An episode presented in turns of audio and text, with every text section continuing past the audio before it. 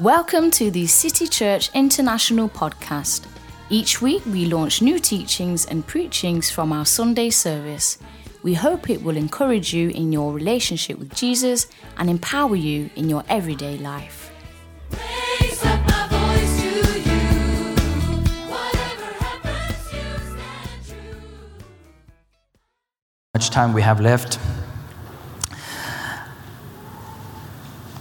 This will be a little bit quicker word. Two preachers, two, two sermons today. um, okay, but th- this is the, the topic is the perfect love casts out fear. I want to talk to you about how perfect love casts out fear. Um, and there's something I've been medi- meditating about, and, and I think the Lord is speaking to our, us as a, as a community, as a church, but also as individuals. So please turn to 1 John 4, uh, chapter 4. See if you find it on the, on the screens as well. This is God's word. By this, by this is love perfected with us, so that we may have confidence. Can you please say confidence? For the day of judgment.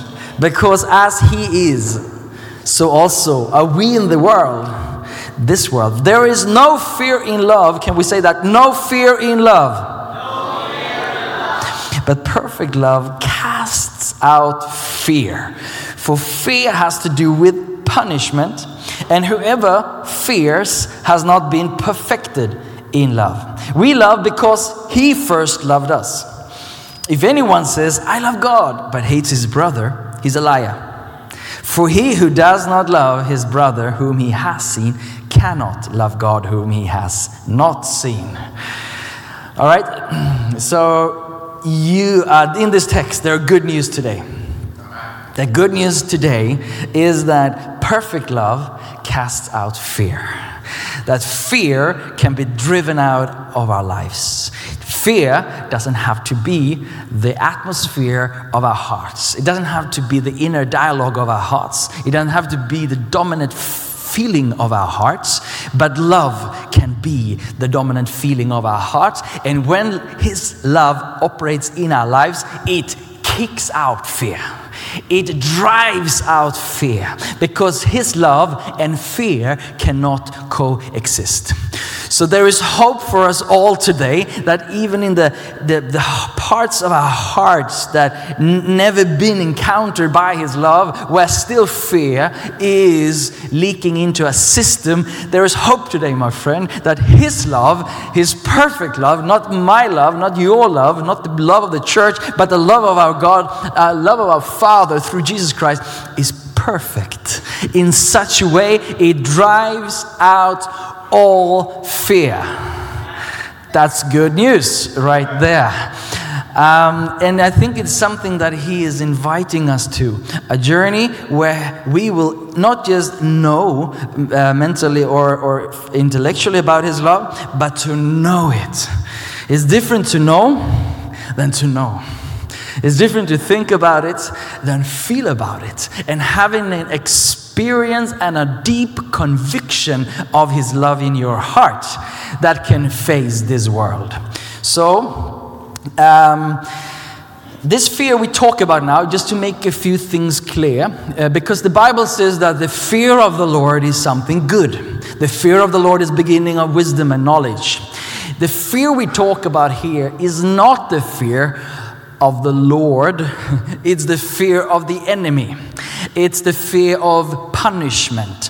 It's the fear of not reaching up enough uh, to, to be granted favor. It's a wrong system, actually, um, based on my behavior. That I am loved if I behave.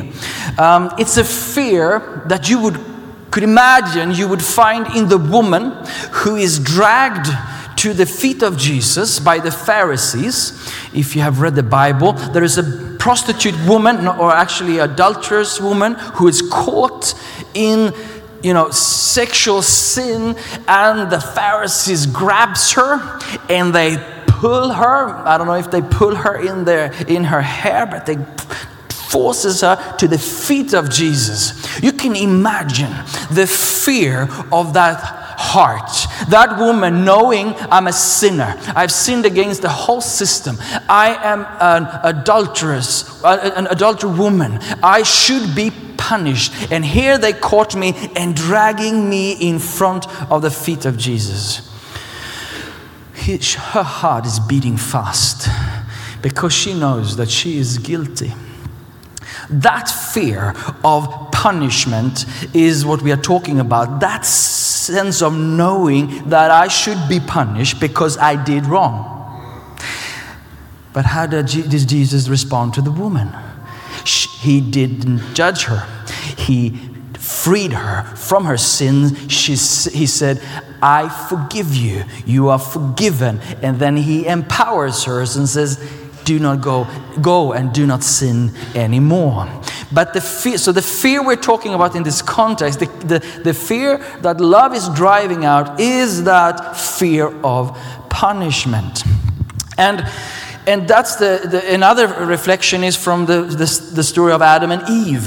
When Eve has taken from the, the, the tree, eating wrong fruit, she, she, they withdraw. As soon as they hear the Lord, they withdrew. They find shadows to hide in. Why? Because they were shameful and right, rightly so. They had sinned, they had broken God's law, and now they found themselves in guilt and shame and are afraid of punishment. And, and there are consequences for sin, but in this context we read now, we discover that there is a love from the Father that is there to drive out that kind of fear. Hmm. That kind of fear, there is one solution for that fear, and that is His love. And we're going to just explore that a little bit.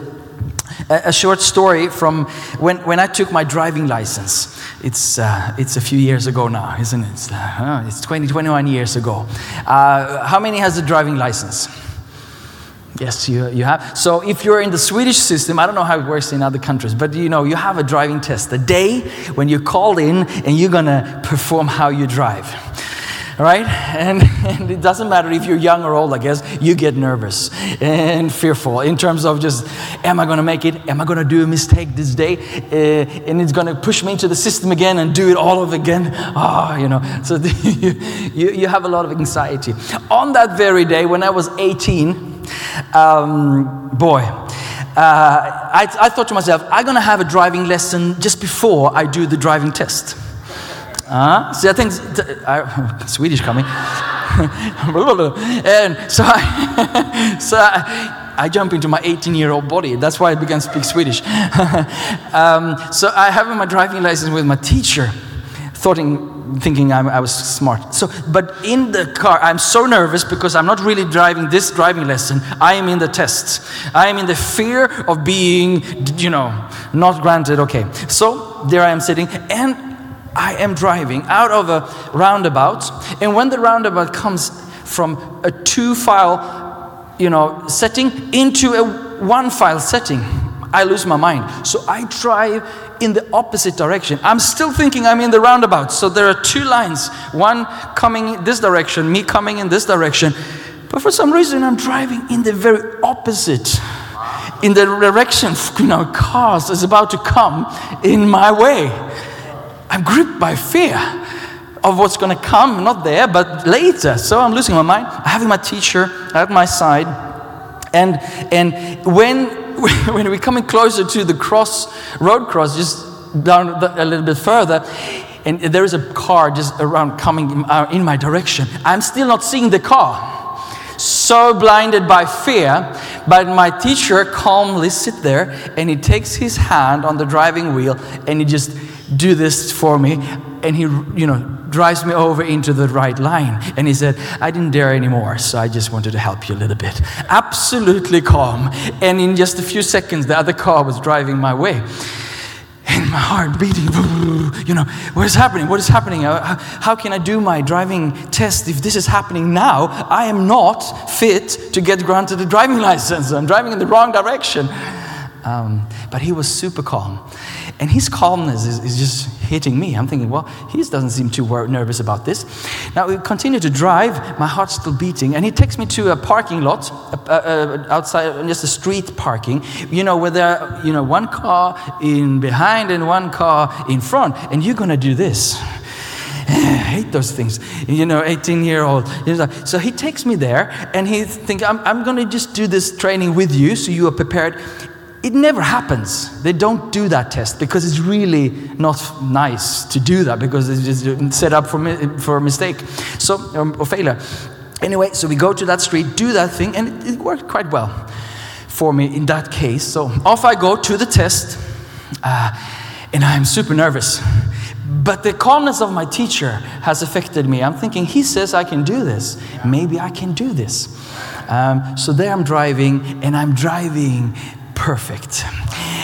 And then in the final state of my test, I'm coming to the parking test. And the tester is taking me to the same street that my lesson driver had taken me to, to the very same side of that road. And I'm thinking, he's going to test me on the parking bit. And do you know what I feel? I feel a bit confident. And I feel confidence in my heart. I'm thinking, I just did that. I can do that again. So I do my parking, and then I'm sitting in the car parked, and he's asking me, Are you happy now, or are you satisfied? And I was like, uh, Am I? Am I not? You tell me if I did a good job or not. And he asked me again, Are you satisfied? You done? Yes, okay, it's well. You did well. You did well. Amen. so, this little, little story tells a lot about what fear can do to you and what love can do to you. What love and calmness can empower in other people's lives. That they are not set up for failure, even if they do a mistake. I did a mistake, quite a fatal one, but in the presence of my driving teacher, it was okay to make a mistake because he transferred love into my system. He transferred love into my system. So I didn't have to be bound by my, by my mistakes. Sorry, my words. My mistake didn't define me. No, but he empowered me and he brought me into a new situation and set me up for success. So I knew that I was able to do it. And he imparted confidence in the eyes of my judger. he set me up so I can meet the judge in the eye. You get the picture? This is what the love of God wants to do with your heart. Hallelujah. Uh, If we take this text really uh, as it says, it says this that the love of God can operate in your heart in such a way that you are confident on Judgment Day. Think about that. That the, the day that most people fear, if they believe in one, like what's going to happen after death? What's going to be when I come to God? You know, how will I react? But the love of God, according to scripture, says that the love of God can operate in such a way in your heart that you're almost going to be looking forward to that day. You're like, I'm going to come with confidence. Can you say confidence? The love of God gives confidence on judgment day. Hey ho, that's not just like merely, merely making it or, or, or barely make it like, like uh, I just, you know, slipped into heaven. No, no, no. This is a picture to me like, like us running home to the Father with confidence. You know, when my sons come to my home and they see me, they run to me with confidence. Why? Because they know what? I love them. I love them. I love them. I love them. I love them to death and back again. I would take a bullet for my kids. That's how the Father loves you. That's how God loves you. He loves you with that undying love. He sees you and He says, I will even send my son in your place. That's how much I love you. That's how much I love you. I love you to hell and back again. So that you, on Judgment Day, before the Father, before the Creator, whom we rever- have, you know, we feel reverence. We understand He's the Creator, I'm the created. I have some reverence before Him. but still I know He loves me. I know He died for me in Jesus' body. You know, God died for me. So when He comes back, I will be the one who runs into His arms. That's how much He loves you. And that's, yeah, give Jesus praise for that. That's the impact of the love in your system. Yet, if we are honest, there is a lot of other systems that try to rule our day, that try to tell us that we are not enough, that we have been guilty and shamed too much to be able to be loved in such a way. We have been twisted on our inside and we feel like, no, can dad really love me that much? But you know, he knows you. The Bible says that while God proved his love for us, that he died for us while we were sinners. He didn't consider you unworthy. When you were a sinner outside of the family of God, why would he not consider you even more highly when you are a child of God? How much more would he not love you when you are in the family? When he loved you with the undying love out there, how much more in the family? Come on, somebody. That love brings us confidence. That love brings us confidence before the Father. Therefore, the Bible says, Come boldly before me because I love you. Are you sure? I've done this. Paul, we've gone through this so many times. Yeah, but I don't feel like I'm worthy. I know you feel like you're not worthy. If it wasn't for my son, you wouldn't be worthy. But because of my son, you are now worthy. I paid the price. I valued you so much. I became like you. Died your death, rose again. That's my love for you, my son. And that love does something, it drives out fear from our life. The first fear is the fear of not being welcomed. That's the first fear. Because, and this, this, is, a, this is a total game changer in our lives because it's, it's easy when we think it because if we understand that we are welcomed by the Father and we are in the family and He is not against us but for us, if we really, really deep down know that, believes that, are confident in that, we will face life differently. We would face our outward fears, our fears that we face differently if we knew wholeheartedly that we are loved. Am I right? That life would look different if you knew that you knew that I'm loved in any situation, in any condition, because you were a sinner and you were loved. So it doesn't matter if you sin, it doesn't take away the love. Can we agree on that? Can your sin affect His love? No. Can your sin affect your life? Yes. Difference. Can sin destroy someone else's life? Yes. Can it alter the love of God? No. How do we conquer? How do we conquer sin in our lives? If we don't have God in our hearts, if we don't have the love of God in our heart, on earth are you going to conquer sin? If you know, if you fall in sin, and you think, now I've fallen in sin, therefore God doesn't love me anymore, how are you going to make it? You will not make it. Because that's not the equation. The equation is this that He loves you, and that He loves you, that He loves you. And through His love, you can conquer fear.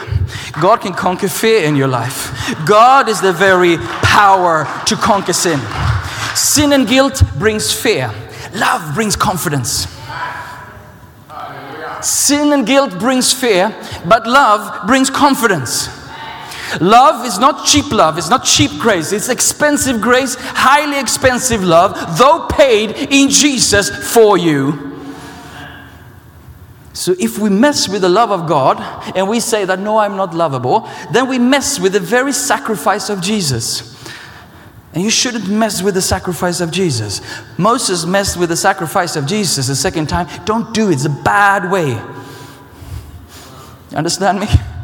I'm just making a point, okay? Making a point saying that the love of God for you in Christ Jesus is unseparately. It can't be separated from you. Romans 8 says so. Okay, so the first thing is that the love is beginning with us to drive out fear. And when He does, He brings us in confidence of heart in His face. So the solution to drive out fear is no love. Knowing love, believing in the love of God, and allowing it to transform us inwardly. Knowing that we can confidently face God's presence now and in eternity. And when we know, if you go to, with me to, to Romans 8 32, I didn't uh, bring that to your projector, but please, Romans 8 32 and, and 33, I think it is.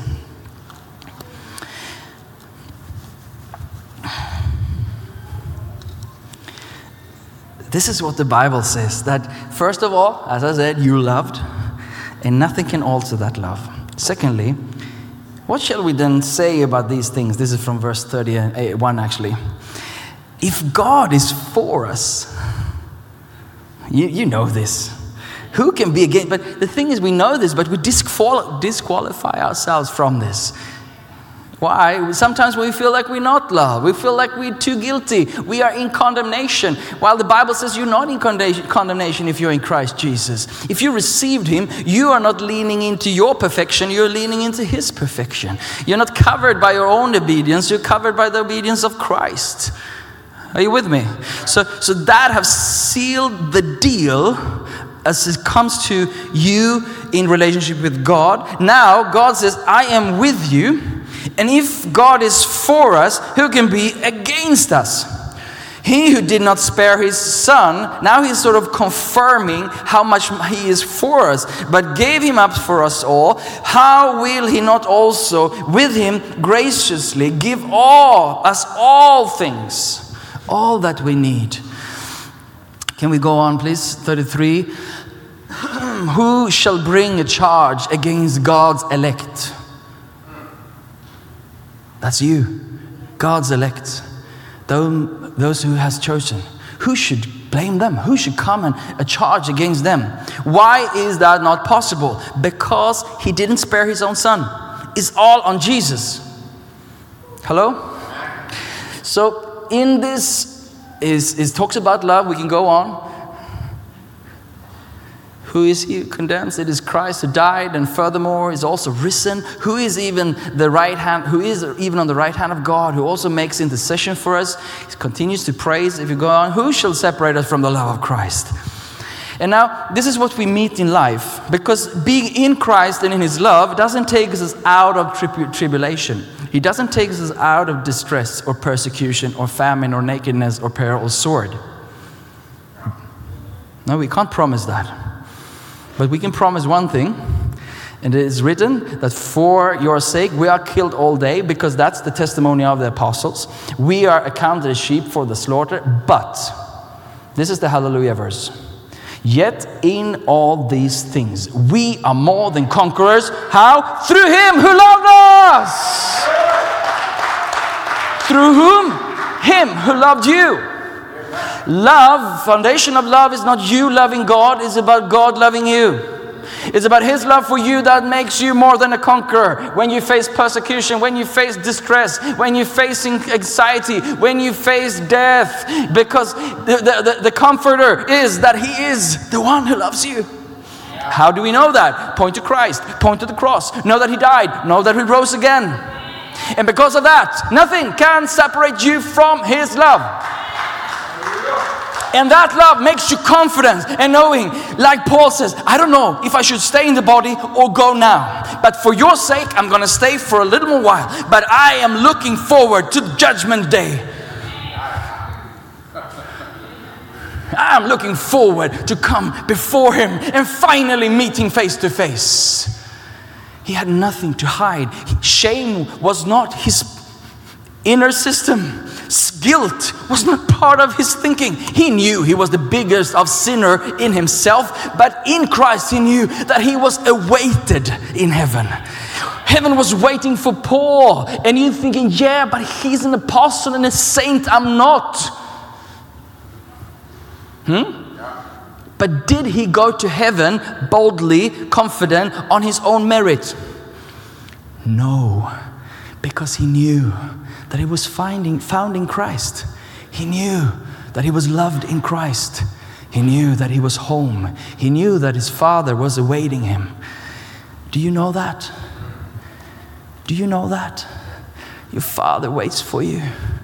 And he says, Well, I need to keep you in the earth a little more. I need to keep you there because I have some things that we need to do together. But one day, you will meet me face to face. Then you will not just see me like in parts, but you will see me fully. I look forward to that day, says daddy to son and daughter. Yeah. That day is a good day for you, but that day is a good day for Father. My, my, my children is still staying home with me, um, of course, and my wife because they're young. But I imagine having grown up kids, and you know, when you haven't seen them for a while, and even if I'm away from my kids a few days, you know, I look forward to see them, to see their face, to see their joy. You know, I was uh, watching uh, cinema yesterday with, with Caspian, five years, and watching Toy Story 4. You know, whoa, a lot of action for a five year old. You know, and I'm looking at my son. I'm just interested in what's happening in him, what's going on, what has happened with my son. I'm there with him in the small things, sharing life. That's your father. He's with you in the small things. He wants to sh- see your response. And he's like prepared something for you, a movie or something. And he's like, I wonder how my son, how my daughter is going to respond. Oh, when they find the gold in the mountain, I wonder what they're going to do. I hid it It's because it's, it's going to be costly. but they will find it, I know. And they will find it and they will make beautiful things. I look forward to the day. Your father's love drives out fear. Your father's love is supposed to drive out fear in you so you can drive out fear around you. Did you hear me? So, when love has driven out fear in you, love wants to drive out fear around you. Imagine a church, imagine a family that is love based and not fear based. Imagine a workplace that is love based, not fear based. And some of us have done a journey where we've been under a lot of fear and control. Sometimes, most of the times, because of good motives. Our parents wanted us to behave well before God. So they pushed, for some of us, if we're being honest, pushed in guilt in our system if you don't behave, if you don't do this, if you don't do that. Have you heard it? Have you said it? Have you been there? I think we're all guilty. Because we think we can control people's behavior by fear. Now, outside Christ, outside in the system, we have laws of fear because it sort of limits the, the, the, the, the pain, um, limits the, the devastation, what's the word, the damage of sin. But law can never change the inner motive and behavior. Love can. Love can can change the system. And when we are trained in fear and we are trained under punishment, we so easily also bring that on the outside. But hope is today, my friends, that when love changes our system on our inside and we know that we are loved and we can dance like children because God loves me on a good day, on a bad day. And I'm not to hide on a bad day, but I'm to run to Him even stronger, closer. Hmm, I need you more today, Father, because I made a mistake. And He's like leaning over, taking my steering wheel. Hmm, not that direction, son. That is what we call sin leads to destruction, not good for you. Choo. Take another line. Take another line. Take another line. His love is amazing. So what's happening is it changes us on the inside so we can be part of changing culture on the outside. That we can be a church, we can be a, a, a church and, it's, and a culture that not allowing fear to be the controlling me- mechanism of our community. We don't behave because what if the pastor finds out? What if the pastor says? What if the pastor sees? Uh huh. Well, this is another preaching. But anyway, because if that's the motive, you know, let's go home. If you're going to behave because if you if I find out or if someone else finds out, let's come home to daddy. Let's come home to his love and realize that we are free. We are free to be good. Amen. We're free to do well. But if we are under nervousity and under fear, we are doomed to be failures in that sense. That we will drive in the fast lane, last lane, wrong lane, I don't know, whatever, because of fear. But if there's love, God can help us in on the right line. Hallelujah. Do you know that you're loved today? This is a simple message, but it's a powerful message. This is the gospel message. And if it goes through a system, we become people of love. And the context of 1 John 4 is the saying that if we don't love the brother we see, we haven't loved God at all. Now God is inviting us to experience and receive his love. So, worship team, can we can we just take a few moments where we're going to invite invite the Holy Spirit? Because this this love is not just to be understood intellectual, as we said. This is something we need to um, experience, uh, receive, and, and allow to be something that really goes into our system.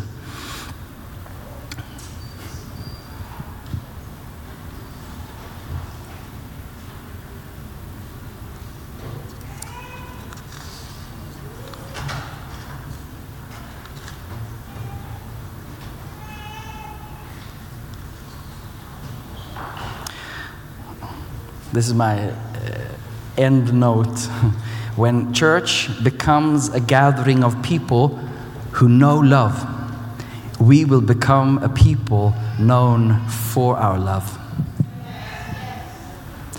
When we become a gathering of people who know love, who know Christ, who know God, we will become a people known for our love.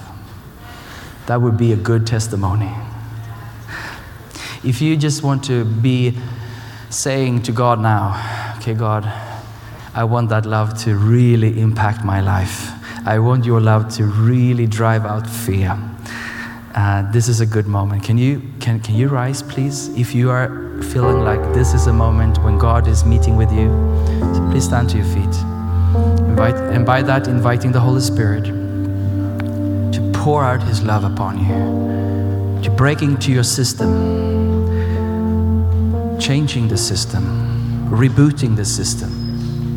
Where the love of God drives out fear. And fear that is linked to guilt, to sin. Sin and guilt brings fear. Love brings confidence. And I don't know what what sins or what guilt or shame is behind the fear, but I just want to place that sin, that guilt, uh, in front of the cross. And saying that the cross was there for you. That, cross, that sin, that guilt was nailed to the cross. And if you come to Jesus with that right now, you just let it go, let it go. So thank you, Father. I'm just praying for you, you all now. Holy Spirit, once again, we need you right now. Minister the love of God to these, these brothers and sisters. Come, Holy Spirit. Come, Holy Spirit.